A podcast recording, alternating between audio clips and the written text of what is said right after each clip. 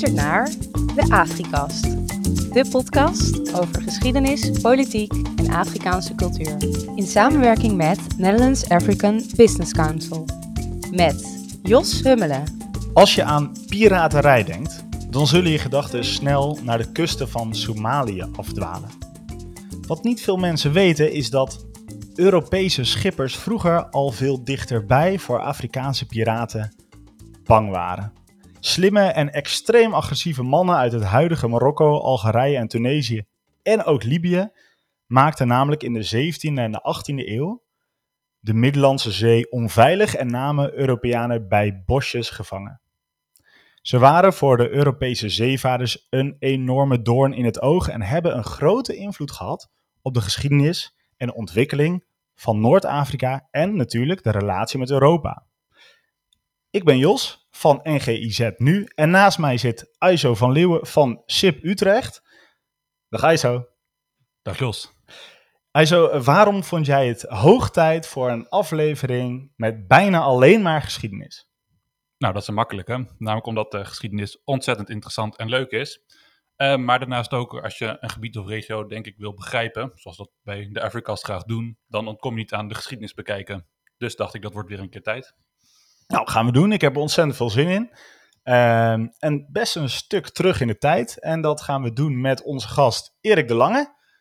Welkom Erik. Dankjewel Jos. Welkom in Wer 5. Hoe vind je het hier? Het is prachtig. Het heeft uh, weinig Afrikaanse sferen, behalve deze kamerplant die ik hier achter jou zie staan. Maar gezellig is het zeker. Ik heb daar zo op het hoekje een foto uh, opgehangen. Oh ja. Mooi hè? Ja, dat brengt er nogal wat extra. Ja, precies. Uh, Erik, jij hebt onderzoek gedaan naar deze vorm van piraterij. Uh, en daar ook een dissertatie over geschreven. Kun je ons vertellen, hoe ben je op dit onderwerp gestuurd? Nou ja, het was misschien een mooi verhaal geweest als ik had verteld dat ik uh, me al sinds mijn vroegste jeugd als piraat identificeer. En daarom uh, de keuze voor dit onderwerp eigenlijk al beklonken lag uh, toen ik geboren werd, ergens in de jaren negentig. Maar? Maar de werkelijkheid is helaas iets minder romantisch en iets pragmatischer. Al kwam ik er laatst wel achter dat mijn allereerste kinderfeestje ooit een piratenthema had.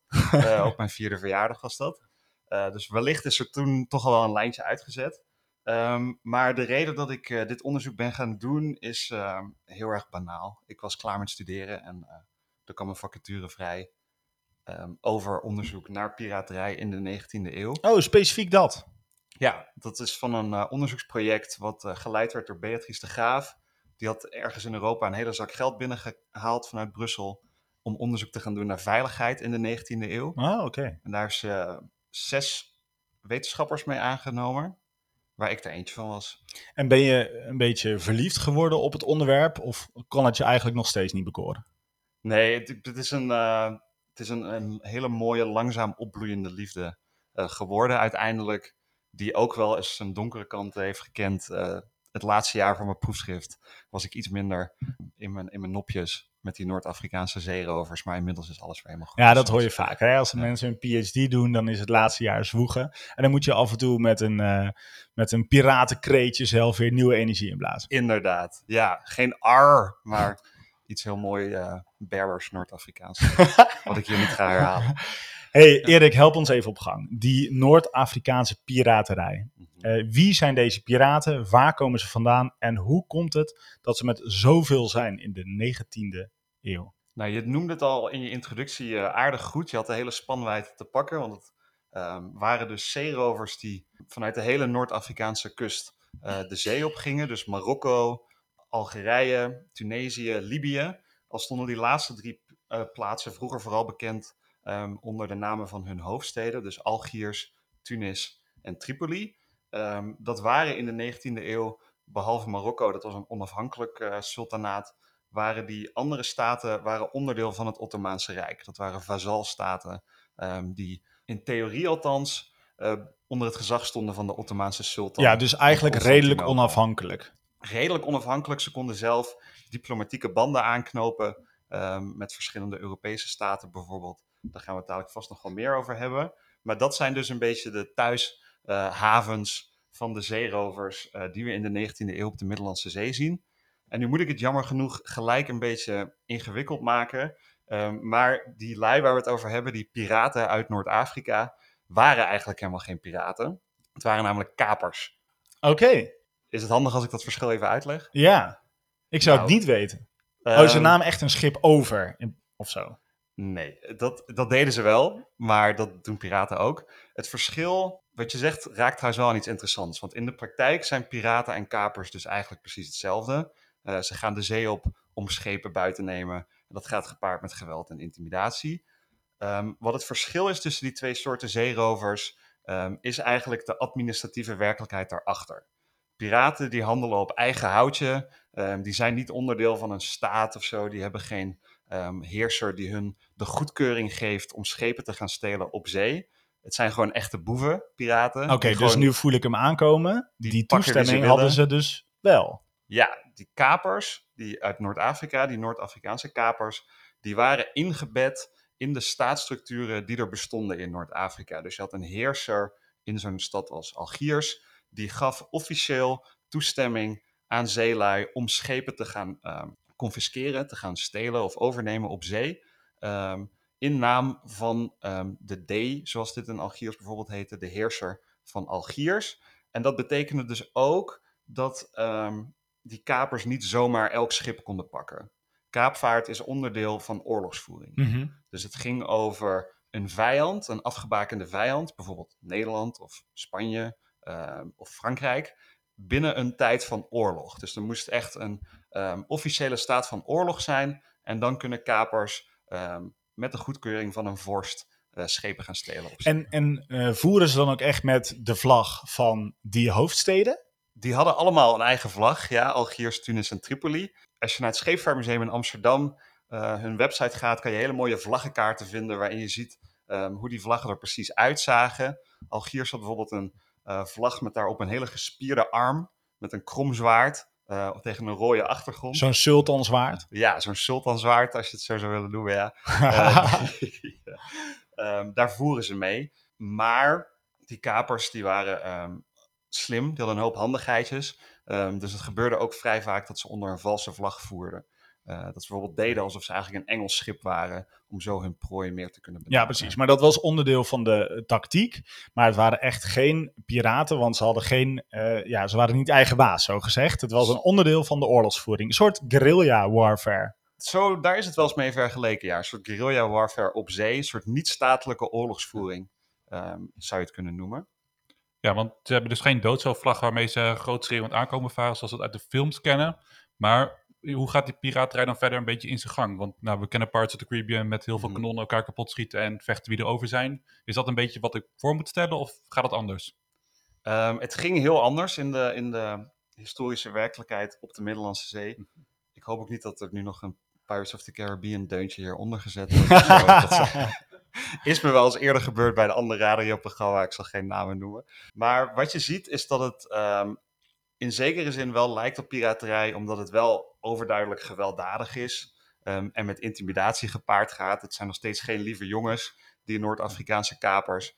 Ehm, net zoals dat Nederlandse kapers ook geen lieve jongens waren. Onze eigen Piet Hein bijvoorbeeld. Ehm, om even die kanttekening te plaatsen. Maar wat je ziet is dat omdat die kapers hun schepen ook weer mee terug moesten nemen. De schepen die ze stalen, die namen ze mee terug naar Algiers of Tunis. Daar werden ze door een rechtbank ehm, legitieme eh, prijzen verklaard, zo noemde je dat. Dat was een prijs, zo'n schip wat je meenam. Ehm, en dan kon dat schip doorverkocht worden met de hele lading. De mensen die aan boord waren, die werden gevangen genomen. Die werden tot slaaf gemaakt in Noord-Afrika. En die konden weer vrijgekocht worden door hun familie thuis of door staten in Europa. Dus wat je daaruit af kan leiden is dat het voor die kapers helemaal niet in, in hun eigen belang was om schepen zomaar kapot te knallen, allemaal mensen hun hoofd af te hakken. Ja, want dat is hun eigen inkomen. Dat is hun inkomstenbron, precies. Dus wat je ziet is dat er vaak een paar geweerschoten gelost worden, dat er wat met wat zwaarder ge- gezwaaid wordt, dat iemand die een grote mond heeft toch even op zijn eh, gezicht getimmerd wordt, ehm, om de rest van de, van de bemanning van zo'n Europees schip dan een beetje te intimideren. En meestal was daar de kous wel mee af. Ja, want die Europeanen die waren snel geïntimideerd. Ja, Ja, maar en dan stel ik me voor, als je weet, die eh, piraten hebben helemaal geen belang bij heel veel geweld, is het dan niet relatief eenvoudig om met een paar soldaten je handelsschepen te verdedigen? Dat het snel genoeg afschrikwekkend werkt, omdat te veel moeite betekent te weinig handelswaar dat je overhoudt voor een piraat. Ja, maar die piraten waren slim en ook niet super dapper, want ze kozen meestal de allermakkelijkste prooien uit. Gewoon een paar kleine scheepjes die in hun eentje ergens langs een moeilijke baai probeerden te navigeren of die een moeilijke kaap probeerden te ronden. Je zag heel vaak dat ze ehm, tot van die ehm, overnames overgingen wanneer het bijvoorbeeld mistig was. Ehm, ik heb één geval gevonden in het archief van een Nederlands schip uit Vlaardingen, wat in 1814 probeert de kaap in het zuidwesten van Portugal te ronden in dichte mist. En in één keer een schip ziet verschijnen met een Engelse vlag. En denkt Maar van, dat oh, waren Marokkanen avant le lettre. dat waren Algerijnen. Oh, die haalden toen snel die Engelse vlag naar beneden toen ze in de buurt waren. Deden die rode vlag met die eh, gespierde armen, Aha. dat omhoog. Ehm, en koersten heel hard af op dat Nederlandse schip. Begonnen allemaal dingen te roepen die niemand kon verstaan. Sprongen aan boord. En de meeste handelsschepen van deze vorm, die dus vrij klein waren, misschien met 20 bemanningslieden aan boord of zo, een ehm, ruim wat helemaal vol zat, met meestal niet heel erg duur handelswaar. Dat soort schepen die opereerden op vrij kleine marges. Dus die hadden eigenlijk geen geld om ehm, een hele bemanning bewapend en al mee te nemen. Of om allemaal kanonnen aan boord te zetten om zichzelf te verdedigen. Want dat zou, ehm, nou ja, de beschikbare ruimte ehm, en ook de mogelijke snelheid van het schip op zee heel erg vertragen. wat, eh, wat is eigenlijk de eh, spanwijdte van je onderzoek? Kwamen die berichten bijvoorbeeld ook aan, eh, in dit geval in Nederland? Van, hé hey jongens, we zijn een schip kwijtgeraakt? Zeker. Mensen mochten terugschrijven naar hun familie bijvoorbeeld. Je had Oh ja? al die, in al die staten in Noord-Afrika, zoals eh, Algiers en Tunis, daar had je ook consulaten. Daar zaten Nederlandse diplomaten en allemaal andere Europe- Europese diplomaten ook. Dat was een beetje de, ehm, de link met, met het thuisland, zeg maar. Dus via die diplomatieke kanalen ehm, konden mensen hun familie schrijven van... hey, shit, ik ben... En zit waarom, in waarom, waarom lieten ze dat toe? Nou, om dat geld los te krijgen. Ah. Om te zorgen dat die mensen vrijgekocht gingen worden door hun familie of door de staten ehm, in Europa. dat is echt een heel systeem omheen opgebouwd. De hele economie aan die piraterij opgehangen. Zeker. Internationaal. Ja, het is Kaperij, ISO. Kaperij, ja, Even opletten. Inderdaad. Het interessante is eigenlijk dat Europeanen in de 19e eeuw die categorieën steeds meer door elkaar beginnen te halen. Dat is eigenlijk wat ik onderzocht heb in mijn proefschrift. Ehm, dus ISO heeft een beetje een 19e eeuwse inborst hier. Met dat Erg die eurocentrische blik inderdaad. Maak ik me vaker schuldig aan. dat doen we sowieso in de Afrikast. Ja. Maar ja, die hebben we nou eenmaal. Daar Hè? hebben jullie experts dan voor, die hier langskomen. Ja, dankjewel. Waarvoor dank, Erik. Waarvoor dank. Hey, leer ons nog meer, want eh, ik heb het net, eh, vroeg ik even hoe dat aankwam in Nederland, eh, hoe die communicatie was. Hoe zagen die kapershavensteden eruit? Werd daar ook nog gewoon gehandeld en vis gevangen, zoals in andere havensteden? Of focust hij zich echt helemaal op deze handel? Ja, de grote misvatting is eigenlijk, ehm, en die zie je nog in best veel wetenschappelijk werk terugkomen, opmerkelijk genoeg, ehm, is dat die havensteden in Noord-Afrika helemaal draaiden op de zeeroofbusiness. Dat dat echt hun core business en hun voornaamste businessplan was. Ehm, er was een tijd in de 16e en de 17e eeuw, de echte hoogtijdagen van die Noord-Afrikaanse kaapvaart, dat er echt honderdduizenden Europese slaven in de gevangenissen zaten daar. Eh, dat er duizenden schepen binnengebracht werden ieder jaar. Toen was het inderdaad een hele grote economische inkomstenbron. En in de 19e eeuw is dat veel minder al. Want in de 19e eeuw is deze kaapvaart eigenlijk al een redelijk aflopende zaak. Mhm. Ehm, daar kan ik daar misschien nog wat meer over vertellen. Maar wat belangrijk is om je te realiseren, is dat die kaapvaart heel erg gebaat is bij handel en commercie.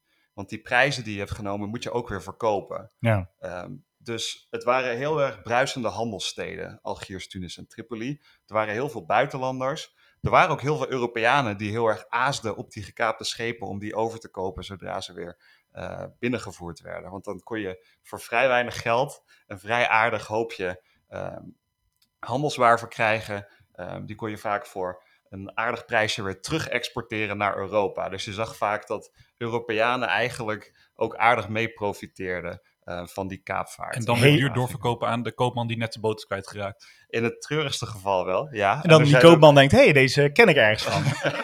echt een heler was dat dus echt. Precies, het heeft best wel wat met heling overeen. Met, met het verschil dat het dus helemaal gelegaliseerd was met rechtbanken ehm, en een hele organisatie eromheen. Maar als je nu, als je in een, tijdsmachine zou stappen, ik weet niet waarom je dat zou willen, maar stel dat je dat zou doen, dat je in 18e eeuws Algiers over straat zou lopen, zou je wel veel meekrijgen van die zeeroverij. Want je zou zien dat bijvoorbeeld Europese slaven in de haven aan het, aan het werken waren. Daar moesten ze heel zwaar werk doen. Bijvoorbeeld ehm, de fortificaties verstevigen, kades ehm, ehm, uitbouwen of schepen uitladen. Eh, dat, zou je, dat zou je heel veel zien. Dus van die onfortuinlijke Europeanen die daar aan het werk waren. Je zou ook zien als je daar rondliep dat ehm, bijvoorbeeld van die kaperschepen die de zee opgaan, dat daar allemaal rituelen omheen waren. Um, daar zaten allemaal religieuze connotaties bij. Bijvoorbeeld ehm, dat zo'n schip, als het de haven uitvoer, werd er vaak een lam geslacht.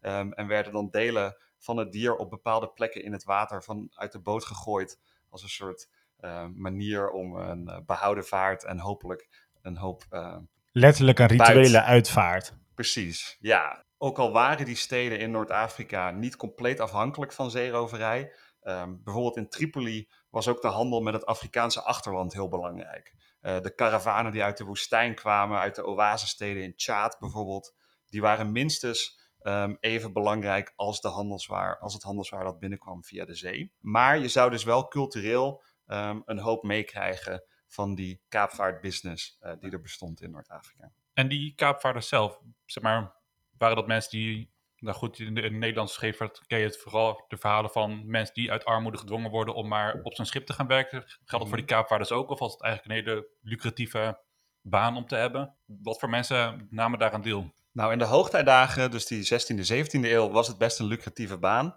In de 19e eeuw al een heel stuk minder. Ik heb verhalen gezien van Europeanen die schrijven over Tunesische kapers die ze midden op zee tegen zijn gekomen, die om hulp roepen omdat ze geen water meer hebben en niet terug naar huis durven te gaan zonder een buitgenomen schip, um, want dat kon het slecht met je aflopen als je niks meebracht. Um, soms werd je dan ter dood veroordeeld als kaperkapitein. Ja, terecht. dan had je je werk niet gedaan. Precies, ja. Dan ben je eigenlijk gewoon Eigenlijk gewoon een derde rak zeerover. Ja. Dus dan moet je misschien even een carrière switch gaan over. Maar gingen ze dan ook echt naar, weet ik veel, Italië of het Europese vasteland? Om daar een nieuw leven te beginnen? Nee, want daar wilden ze die mensen ook niet hebben. Nee. Um, maar wat je ziet is dat het, um, de, de, de lui die op die schepen werkten als kapers, um, kwamen eigenlijk uit het hele Ottomaanse Rijk. en dat moet je dus heel verstrekkend zien. Dat waren mensen die bijvoorbeeld van de Caucasus kwamen, van de Balkan, van de Griekse eilanden. Um, in sommige, dat verschilt een beetje per, per staat, maar in sommige landen was het lokale contingent veel groter. Er zaten er heel veel mensen met een Berberse achtergrond op die schepen. Um, en wat je ook ziet, dat is eigenlijk de derde grote soort van professionele pool van kapers, zijn Europeanen die over zijn gelopen. Dus ISO had het net al even over arme zeelui, die een uh, hard bestaan leiden, Ehm, en weinig uh, hoop hebben op een beter leven. Nou, sommige van die mensen besloten dus om hun geluk te beproeven en voor de Noord-Afrikaanse staten te gaan werken. Um, je hebt twee Nederlanders die vrij beroemd zijn geworden daarmee. Oh ja? Eentje heet Jan Janszoon, um, de andere heet Simon Danseker. En die zaten in het begin van de 17e eeuw in Marokko en in Algiers. die hebben allebei vrij hoge posities bereikt. Die werden allebei admiraal van de, van de kapersvloot hebben ook hele ambitieuze kaperstochten georganiseerd voor die Noord-Afrikanen. Bijvoorbeeld ehm, Jan Janszoon is met een vloot helemaal tot een IJsland gevaren om daar een dorp uh, mensen uh, leeg te roven en mee terug te nemen. Dus die, die lei heb je ook nog. Het zijn niet alleen maar Afrikanen. Het is eigenlijk een heel erg cosmopolitische groep kapers. Met de kanttekening dat dat ook in de 19e eeuw eigenlijk alweer afgelopen was. Maar dan wordt wereldburgers dus. ja. er, zijn, er zijn hele idealistische historici die het zien als een soort van verloren utopia um, aan de Noord-Afrikaanse kust. Van een soort cosmopolitisme wat we in onze tijd van nazistaten verloren zijn geraakt. Is een beetje romantisch, want het was... Ben jij zo'n romanticus? Nee, ik ben een hele serieuze. Ook als wetenschapper dus. Ja, precies. De harde realiteit. Maar eh, dan, het lijkt me best wel ingewikkeld, want ja, wie hoort nou bij wie, hè, zou je bijna kunnen zeggen. Want binnen dat Ottomaanse Rijk had je allerlei, uh, nou, bla, bla bla. En je kan ze ook niet herkennen aan de vlag, uh, vlaggetjes. Niet altijd. Niet altijd, of misschien soms op het laatst. Mhm. Werden er alleen maar, zeg maar, christelijke schepen gekaapt? of, of ook andere? En, en zo ja, hoe werd dan vriend van vijand onderscheiden? Ik moet hier even zeggen dat de Middellandse Zee vroeger één grote oplichtersbende was. Want heel veel Europeanen deden ook alsof ze bij een ander land hoorden. Um, er zaten heel veel mensen die hadden neppe Engelse paspoorten bij zich, omdat de Engelsen hele goede verdragen hadden die heel veel bescherming boden.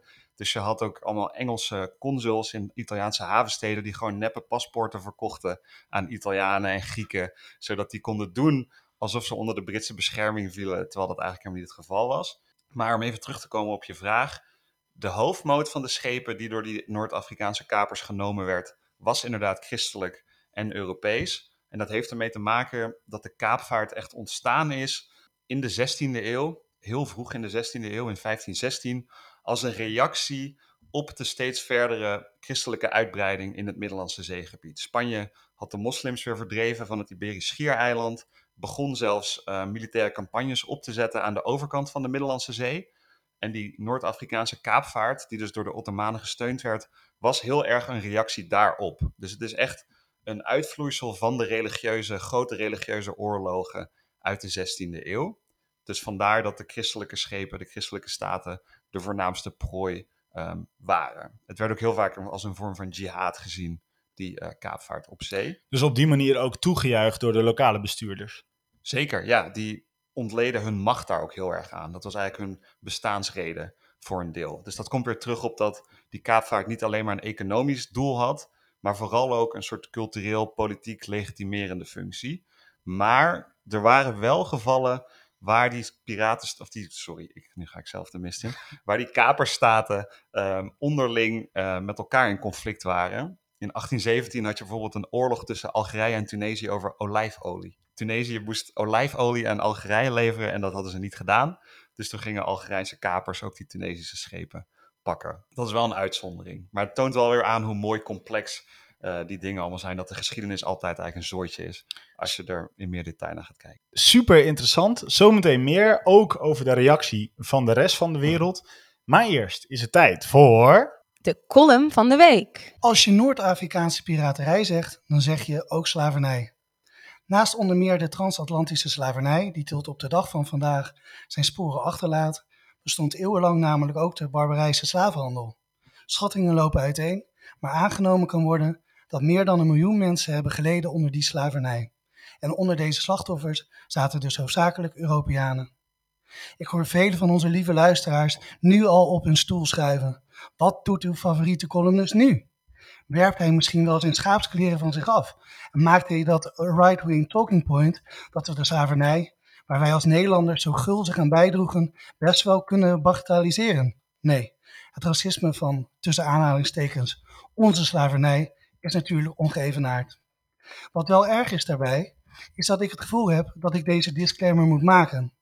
Dat als ik dat ene leed benoem, dat zo verbonden is met het gesprek van vandaag, ik toch ook dat andere leed moet noemen, dat eigenlijk niets van doen heeft met deze aflevering. Dat we tegenwoordig meer en meer in een samenleving wonen eh, waar wedstrijdjes worden gehouden over wie het grootste slachtoffer is. Met als hoofdregel, het mag nooit een blanke man van middelbare leeftijd zijn. Terwijl leed echt niet groter of kleiner wordt als je het met elkaar vergelijkt. Ja, zie daar alsnog een right-wing talking point. Maar wel eentje die universeel omarmd zou moeten worden. Dankjewel Henrik Broeier en GIZ nu. Ik had het al even beloofd Erik, we gingen het hebben over de reactie van de wereld, zullen we maar zeggen. In je onderzoek kijk je ook naar de internationale reactie vanuit Europa. Hoe zag die eruit? Want in de 19e eeuw werd het kleiner. Ik neem aan dat ze het op een gegeven moment zat waren. Ja, om even de context te schetsen. In de 19e eeuw um, zie je eigenlijk dat die kaapvaart aan het begin van de eeuw steeds minder belangrijk begint te worden. En dat heeft er vooral mee te maken dat de relaties rond het Middellandse zeegebied steeds meer het normaliseren zijn. Die hele harde godsdienststrijd die christenen tegenover moslims zet, die begint steeds meer intens te worden. Er komen steeds meer diplomatieke betrekkingen tussen Europese staten en de Noord-Afrikaanse staten. Er komt ook steeds meer handel. Um, dus maritieme handel begint voor die staten in Noord-Afrika ook meer, meer en meer um, op de voorgrond te treden ten koste van kaapvaart. Dus einde van de 18e, begin van de 19e eeuw zie je eigenlijk een hele grote neergang van die Noord-Afrikaanse zeeroverij. Die, en dat is opvallend, en dat is eigenlijk het cruciale punt, die ineens omdraait en aan het einde van de Napoleontische oorlogen weer opleeft. Dan krijg je eigenlijk een klein piekje in die zeeroverij op de Middellandse Zee.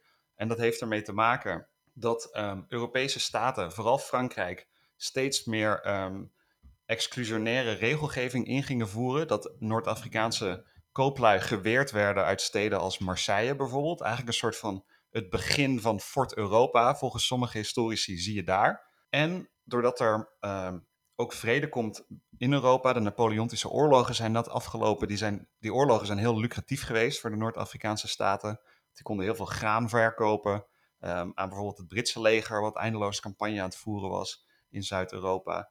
Ehm, die oorlogen zijn afgelopen. Er komt steeds meer handelswaar ehm, op zee. Uh, de Noord-Afrikanen worden steeds meer geweerd uit Noord-Europese havensteden. En dus beginnen ze die kaapvaart weer op te pakken. Um, dus dat Nederlandse voorbeeld, het 1814 wat ik net noemde, is onderdeel van een groter patroon. In 1814, 1815 worden er ineens weer tientallen schepen gestolen voor het eerst in lange tijd. Er zijn ook een paar hele beruchte gevallen van een Tunesische vloot die een Italiaans eiland, net bij Sicilië, binnenvalt en de hele bevolking wegneemt. Klein eilandje, 160 mensen. Maar nog steeds, dat was echt een gigantische uitbarsting van woede en onvrede in Europa daarover. Hm. Een van de eerste grote media-evenementen eigenlijk van de 19e eeuw, zou je kunnen zeggen. En bij de Europeanen begint dan het, uh, de realisatie te komen van, dit moeten we niet meer pikken. We moeten hier nu, dit moet dus afgelopen zijn. Hoe, hoe, kwam dat dan? Was er een soort gevoel van, wij Europeanen of zo, we worden hier uh, vernederd? Eigenlijk wel, ja. Dat is waar mijn onderzoek over gaat. Dat Um, wat je ziet aan het einde van de Napoleontische oorlogen is dat Europese staten steeds meer samen gaan werken om te proberen vrede en veiligheid te garanderen. Um, op het Europese continent. Daar heeft mijn oude promotor Beatrice de Graaf een heel boek over geschreven laatst. Maar dus ook op de Middellandse Zee. Die kaapvaart wordt steeds meer gezien als een gedeeld Europees probleem dat de veiligheid op zee bedreigt. Um, en dat daarom met gezamenlijke middelen bestreden moet gaan worden. En wat je dan ziet, is dat dat eigenlijk het punt is waarop kaapvaart en piraterij steeds meer door elkaar gehaald gaan worden. De Europeanen hebben het steeds meer over de Noord-Afrikaanse piraten. Erkennen dus ook niet meer dat die heersers in Noord-Afrika een soort legitieme, um, soevereine macht hebben om uh, kapers de zee op te maar sturen. Dat is een manier om het te spinnen, om ze te delegitimiseren. Precies, ja. Maar dat is wel eigenlijk de essentie van um, de ondergang van de Noord-Afrikaanse kapers. En komt er dan ook nog een, een tegenreactie op vanuit nou, dat Ottomaanse Rijk en die, die hoofdsteden in Noord-Afrika? Zeg maar, zetten die ook een tegenreactie op of accepteren die gewoon dat ze die tak van economie maar verliezen omdat Europa gaat samenwerken? Nee, dat, uh, dat accepteren ze niet zomaar. Ik moet nog even erbij zeggen dat um, met die veranderende Europese kijk op die kaapvaart er ook voor, niet voor de eerste keer in de geschiedenis, want het is altijd een hele gewelddadige omgang geweest tussen Noord-Afrika en Europa, maar dat je in de 19e eeuw wel ziet dat er steeds meer gewelddadige interventies komen. Bijvoorbeeld Nederland en Engeland gaan in 1816 samen Algiers bombarderen met de eis um, dat um, christelijke slavernij, um, waar onze columnist het net ook over had, per direct opgeheven moet worden. en eigenlijk ook die kaapvaart maar eens voorbij zou moeten zijn.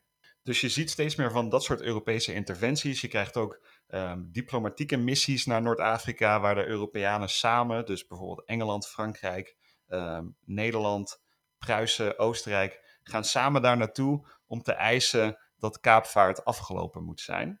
En wat je dan ziet, is dat die Noord-Afrikaanse heersers eigenlijk verschillende strategieën bedenken om daarmee om te gaan. Oké, vertel. Ik kan het het eerst hebben over Tripoli, want die um, waren heel erg meegaand. Die hadden zoiets van, ja, jullie hebben eigenlijk al gelijk. Misschien moeten we hier maar eens een keer mee Waarom? ophouden. Uit angst? Of? Nou, dat grijpt terug op waar ik het net over had. Die, dat Afrikaanse achterland. Um, de heerser van Tripoli, Yusuf Karamanli heette die. Die had eigenlijk hele andere plannen voor waar het met Tripoli naartoe moest. Die had namelijk zijn ogen gericht naar het zuiden, naar Tjaad. Die wilde een groter deel van die rijke karavaanhandel. Um, die begon militaire expedities naar het zuiden op te zetten. En die wendde zich eigenlijk een beetje af van de Middellandse Zee. Die dacht, die Europeanen die worden steeds machtiger. Ja. Die begin, want Nieuwe markt aanboren eigenlijk. Nieuwe markt aanboren. Um, terwijl je in Tunis en Algiers zie je veel meer tegenstand.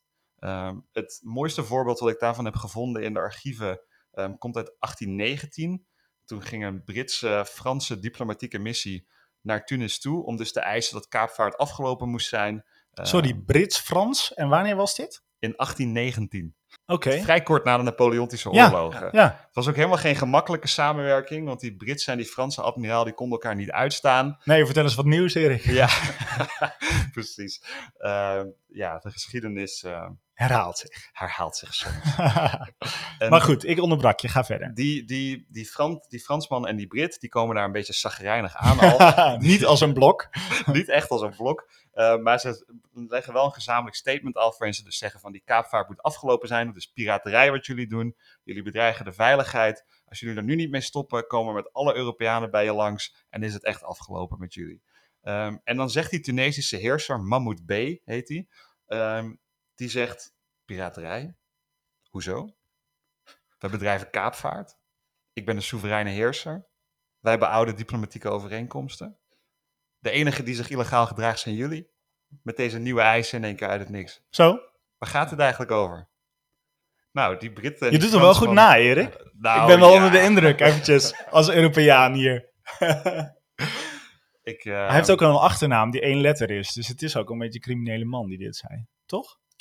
B-E-Y. Oh, jammer. Ja, dat is de... Dat is de, de Maar de en hoe reageerden de Europeanen toen? Nou, met heel veel eh, tamtam eerst van, nou, jullie zullen het wel zien eh, wat er nu gaat gebeuren met jullie. Maar dan gebeurt er eigenlijk niks, want die Europeanen kunnen het ook weer niet eens worden met elkaar over wat er dan moet gebeuren. Ook iets wat niet nieuw is. Nee, precies. Die Britten en die Fransen kijken weer een beetje met een schuin oog naar elkaar van, ja, als we de boel echt op gaan blazen daar, misschien heeft eh, een van ons daar meer voordeel van dan de ander. Misschien komt Rusland in één keer met een voet tussen de deur. Ook dat is niet nieuw, die angst voor Rusland als geopolitieke speler. Dus dan gebeurt er eigenlijk niks. En dan zie je eigenlijk ook dat die kaapvaart weliswaar heel erg sterk verminderd, nog steeds doorgaat. Ehm, dus de anti-maatregelen uit Europa zijn in het begin helemaal niet effectief eigenlijk. Maar hebben we ze, voordat je eh, iets vraagt, ISO, dan, eh, dan hebben we de uiterste gehad. Maar die andere partijen, eh, even kijken, je had iets Oh, over... over Algiers hebben Ja. we nog niet gehad. Ja, Ehm, daar zie je, dat zit een beetje tussenin. Ehm Algiers is een raar geval. Daar heb je verschillende heersers die elkaar heel snel opvolgen. oké. Ehm, als reactie op dat Brits-Engels, ehm, Nederlands-Engelse bombardement, sorry, wordt de heerser vermoord door de militaire elite van het land. Wordt er een nieuw iemand aangesteld en die gaat eigenlijk een beetje dezelfde koers volgen als zijn collega in Tripoli. Die gaat zich meer binnenlands richten, Ehm, maar die overlijdt binnen een jaar omdat er een uitbraak is van de pest. Dan komt er een nieuwe heerser, die wordt ingevaren vanuit ehm, Turkije. En zijn naam is D. Hussein. En dit zou de laatste heerser van Algiers worden. En die kiest ervoor om heel erg confronterend naar de Europeanen op te treden. Oh, dus die wil, precies tegenovergestelde. die zegt van we gaan de klok terugdraaien. We gaan gewoon weer mensen tot slaaf maken. We gaan gewoon die kaapvaart weer opvoeren. Ehm, en wie doet ons wat? Zero tolerance. Maar toen, eh, eh, dat betekent wel dat twee van die heersers ongeveer dezelfde stance hadden en dus ook sterker stonden tegenover de Europeanen. Ja, precies. En ook gewoon, dus ook helemaal niet inbonden en gewoon terugspraken. Ehm, en ook heel erg ehm, de twijfelachtigheid en de, de wankele basis van die Europese interventies aankaarten. Wat heel interessant is om te zien. Maar je, zei- je zei al, dat was, zou de laatste heerser van Algiers worden. Ja. Dus hoe, hoe pakt dat uit, zijn, zijn houding tegenover Europa? Nou ja, hij is heel agressief. Hij, in 1824 krijg je een oorlog met Engeland. ehm, waarin die, die heerser De Hussein ook expliciet zegt van... Het oude verdrag uit 1816 dat ik geen christenslaven meer mag houden is afgelopen. Dat verscheur ik hierbij. Ehm, dat moet hij uiteindelijk wel inbinden. ehm, want er komt een hele grote Britse vloot naar Algiers toe die de ehm, baai blokkeert.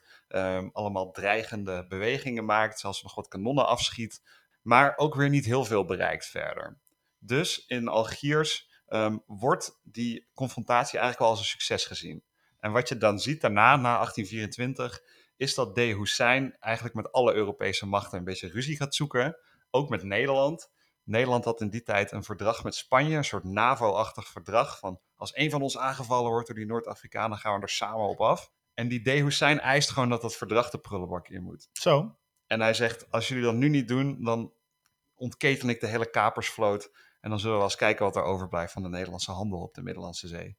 En Den Haag bindt eigenlijk meteen in. Die waren sowieso al niet zo blij met dat Spaanse verdrag. Eh, die Spanjaarden vonden ze helemaal niet zo fijn om mee samen te werken. Ehm, dus dat wordt weer als een succes gezien.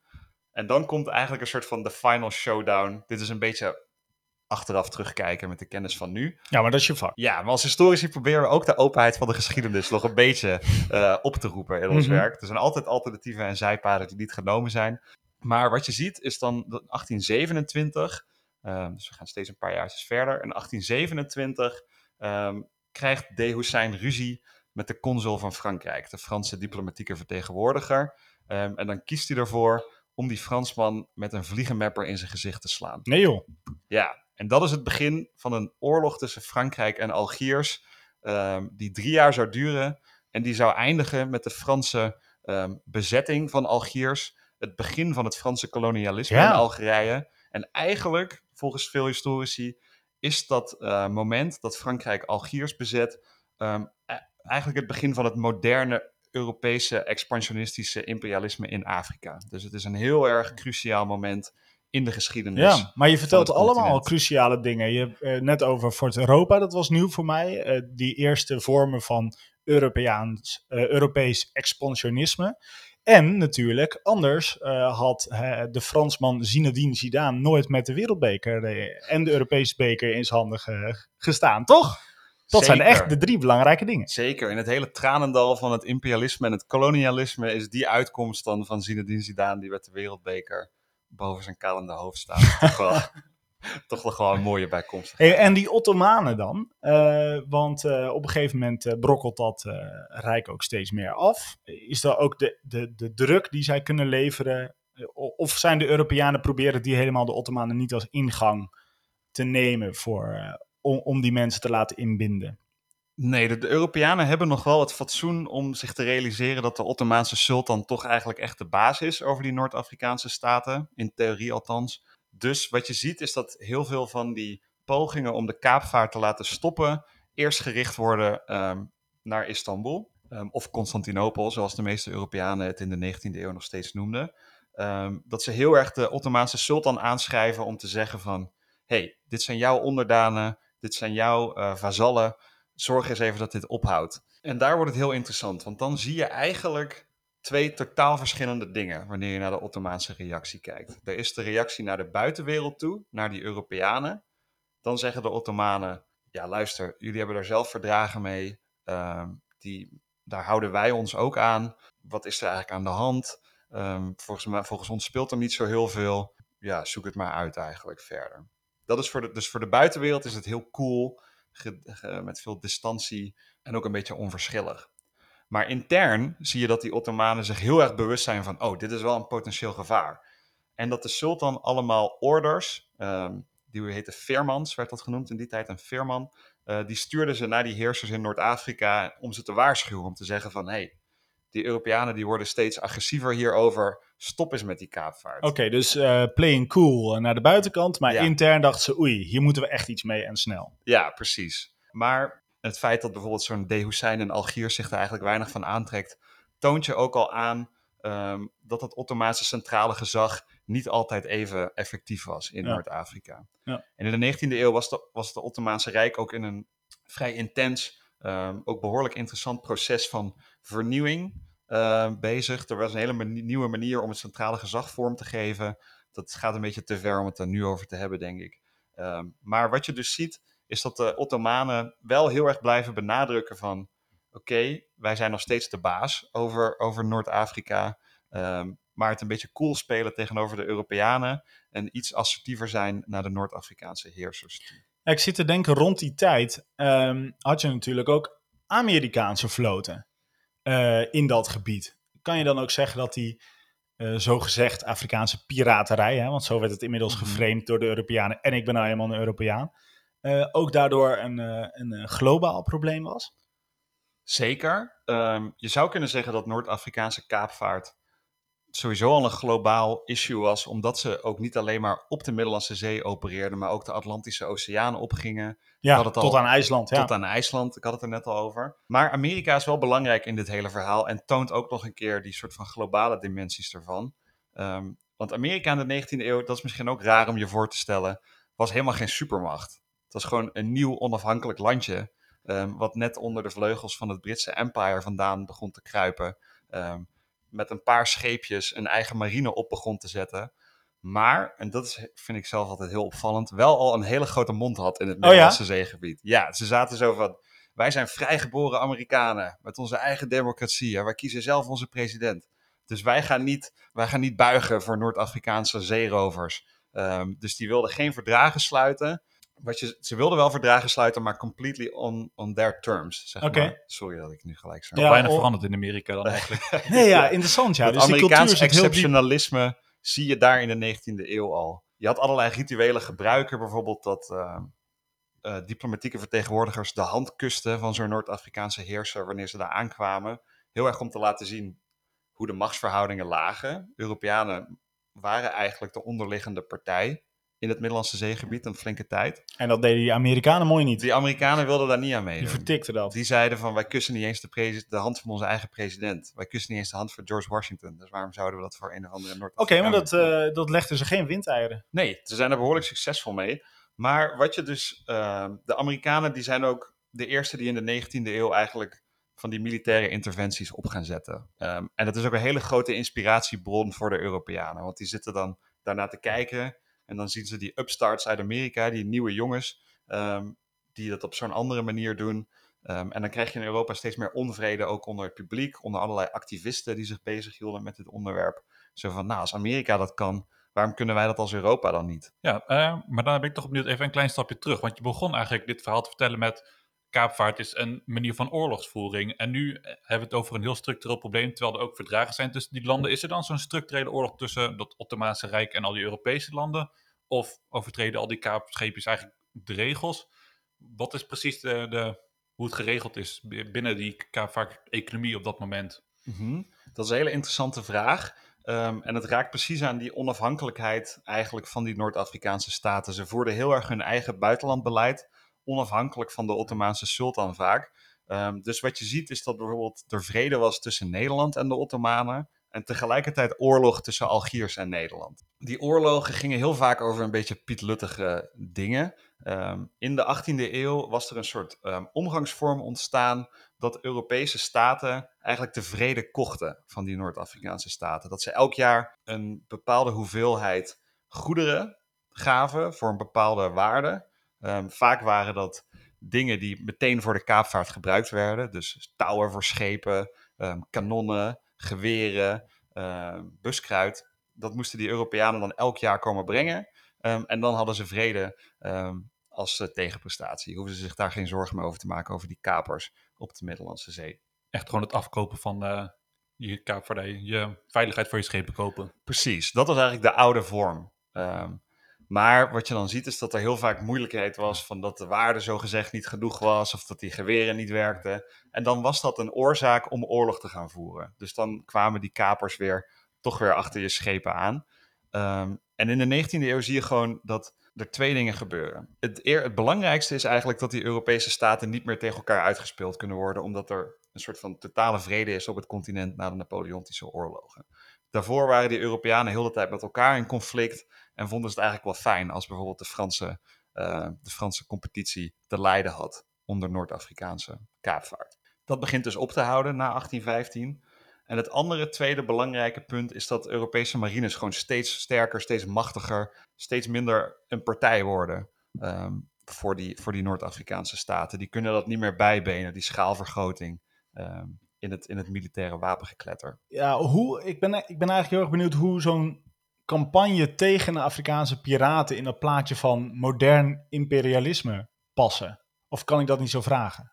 Dat kan je zeker wel zo vragen. Ik denk dat dat eigenlijk een van de mooiste inzichten van mijn onderzoek is. Iets wat ik ook helemaal niet verwacht had toen ik daaraan begon. Ehm, iets wat ik echt ontdekt heb naarmate ik me er meer in ging verdiepen. Ook een van de redenen dat ik toch van die piraten ben gaan houden ook uiteindelijk. En dat is dat je ziet dat bijvoorbeeld die Fransen, wanneer ze oorlog gaan voeren tegen Algiers in 1827, wanneer dat conflict uitbreekt, dat ze echt de strijd tegen de piraterij gebruiken als rechtvaardiging om Algiers binnen te gaan vallen en te gaan bezetten. En nu kan je denken van, ja, dat kunnen die Fransen wel zeggen, uh, maar iedereen doorziet dat toch, dat dat gewoon een, uh, een, trucje is. Maar dat is dus helemaal niet het geval. Eigenlijk alle Europese staten accepteren dat gewoon. Um, Engeland is heel erg erop tegen dat Frankrijk dat gaat doen. Maar ze zijn het wel met die Fransen eens dat dat een manier is om piraterij, um, om die kaapvaart uiteindelijk toch eronder te krijgen en te laten ophouden. Dus wat, Britten dan, wat de Britten dan zeggen is van, ja, dit is nou niet echt de vorm die wij voor ogen hadden om dit probleem te laten eindigen. Maar als jullie het doen? Ze raken wel geïnspireerd. dat, en ze, en ze zeggen dus wel van ja, maar jullie zijn wel inderdaad piraten aan het bestrijden daar. Dat is ook gewoon een roversbende die eigenlijk geen legitimiteit heeft. Dus wat je ziet is dat die delegitimering van die kaapvaart eigenlijk de deur opent, juridisch, politiek, ehm, cultureel ook, voor Europees imperialisme in Afrika. En ik denk dat dat heel erg interessant is en een onderdeel is van de geschiedenis, uh, wat altijd een beetje onderbelicht is gebleven. Dus hoe dat veiligheidsdenken, dat bestrijden van zo'n piratendreiging op zee, hoe dat eigenlijk het imperialisme voor een deel mogelijk heeft gemaakt. Vooral denk ik echt een mooi parallel te trekken met iets als een Irak-oorlog of zo. Zeker. Ja, Afghanistan. Afghanistan, de war on terror en de strijd tegen de piraterij zijn al best wel vaak met elkaar vergeleken. Ehm, en niet geheel onterecht. Om nog maar te zwijgen van Libië trouwens, als we daar toch in die regio zijn. Maar goed, dat voert uh, veel te ver. Ik zit te denken, ja, je hintte er al een beetje op, maar je, je had aan het begin uh, Beatrice de Graaf, hè, de, de, ook tv, uh, bekend van tv-wetenschapper hier aan de Universiteit van Utrecht. Ja, wat heeft ze aan dit onderzoek? Ze heeft hier geld voor gehaald. Het moest, zij, uh, zij gaat over veiligheid en terrorisme en dat is echt haar, haar expertiseveld. Mm -hmm. Wat zegt dit over hoe, het, hoe, hoe nu de toestand is? Ik stel mijn vraag expres een beetje breed. Ik heb geen idee. Ja, ik vind het fijn dat je me zo breed stelt, want nu kan ik ook een lekker abstract antwoord geven. Ga je gang. Wat je, wat je aan dit onderzoek hebt, is dat je heel goed kan zien hoe veiligheid en imperialisme aan elkaar verbonden zijn. Dus dat um, Beatrice haar onderzoek ging heel erg over hoe staten in Europa samen gingen werken om het continent veilig te maken, om te zorgen dat er geen grote oorlogen meer uit gingen breken tussen Europese staten onderling. Dat is één kant, één kant van het verhaal. Maar wanneer je dus naar die kaapvaart kijkt op de Middellandse Zee en voorbij Europa gaat, zie je de schaduwkant van dat verhaal. Zie je de manier waarop die ideeën over veiligheid en die samenwerking tussen Europese staten machtsongelijkheid in de hand heeft gewerkt, uh, militaire interventies mogelijk heeft gemaakt en dus, ik zei het net al, de deur heeft geopend eigenlijk naar het Europese imperialisme. Uh, in Afrika. Want uh, als ik dan naar nu kijk, ik mm -hmm. begon ermee over die piraterij in Somalië. Ja. Nu gaan we er anders mee om. We gaan niet uh, de, de hoorn van Afrika bezetten. Nee.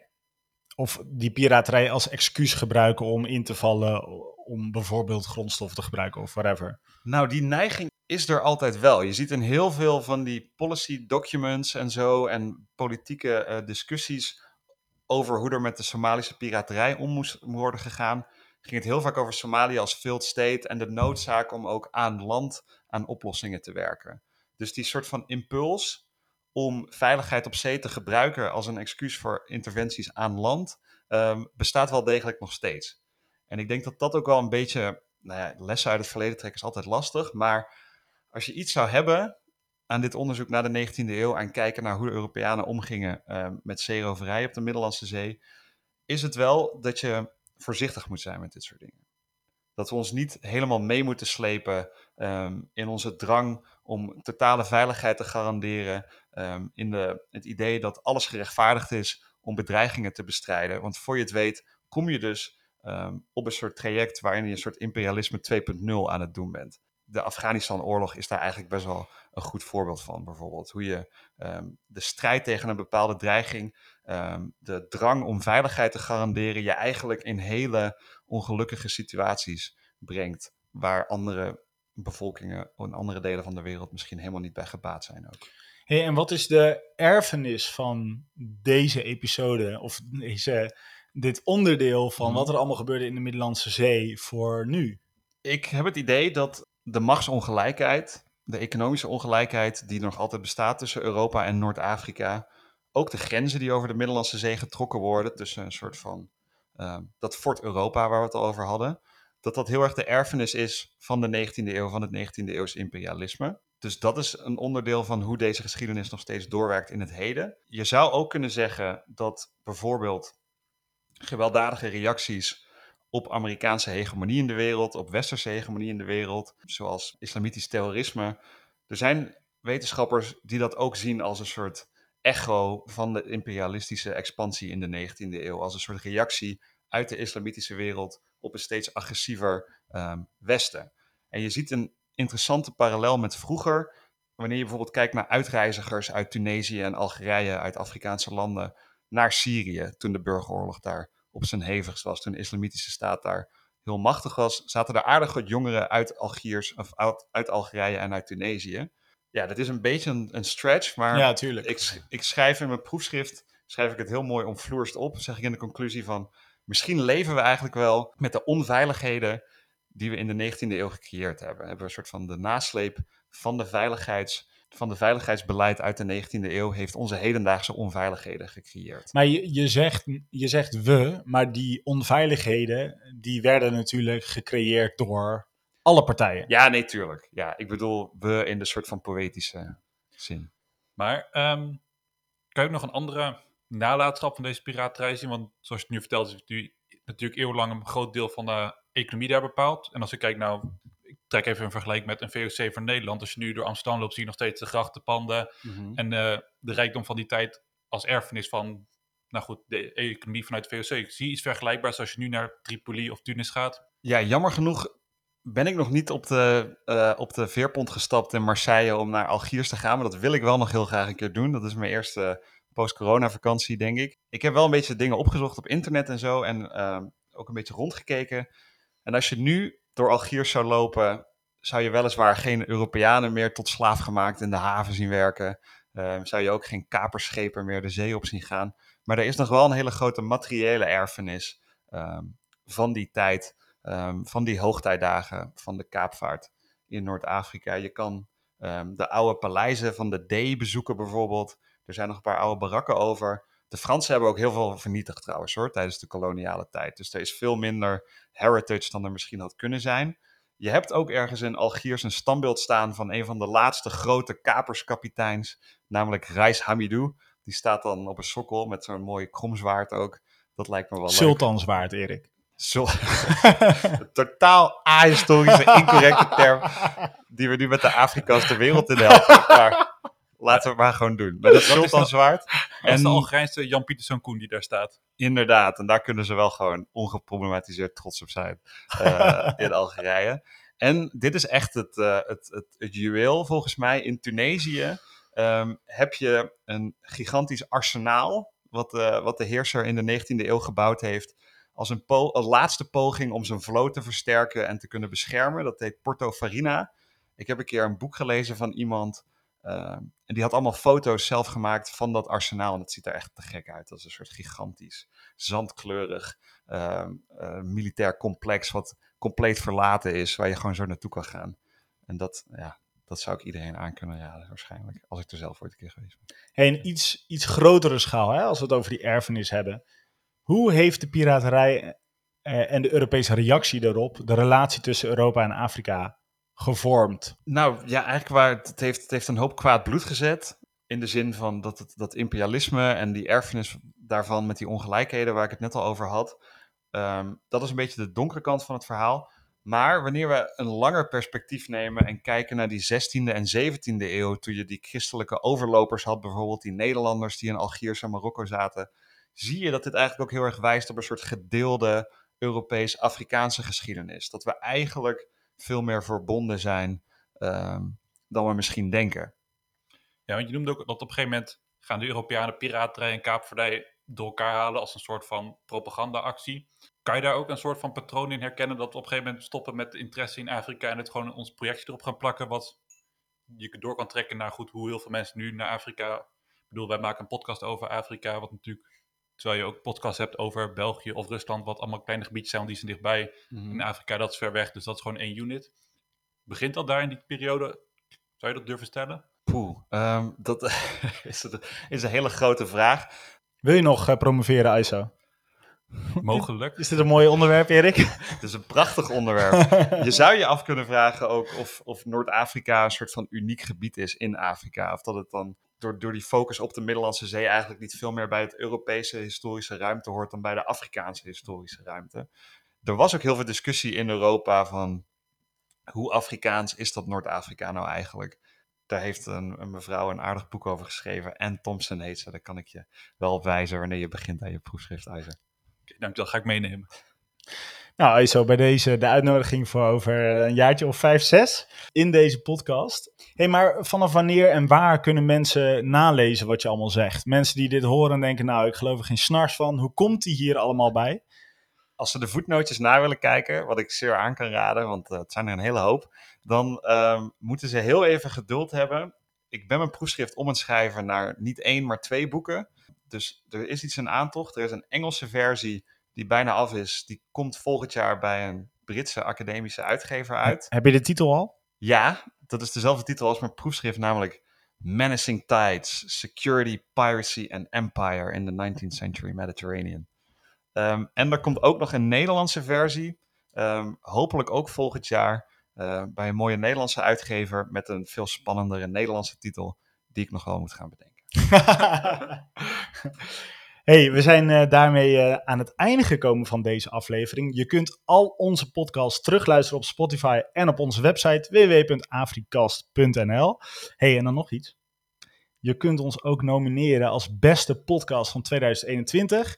Dan moet je wat ons betreft niet te letterlijk nemen. Maar als je ons toch een beetje sympathiek vindt, ga dan naar podcastawards.nl en nomineer de Afrikast. Wij gaan zeker niet voor de winst, maar wel voor een nominatie. Bedankt voor het luisteren naar... Je luistert naar de Afrikast. De podcast over geschiedenis, politiek en Afrikaanse cultuur. In samenwerking met Netherlands African Business Council. En speciale dank natuurlijk aan onze gast Erik de Lange. En dank aan onze columnist Herik Broeier van NGIZ Nu. De redactie van vandaag was in handen van David van Tiel en Aiso van Leeuwen zelf, ook co-host vandaag. Zorg dat je er over twee weken weer bent, want dan gaan we in op de mooie samenwerking tussen Afrika en Nederland.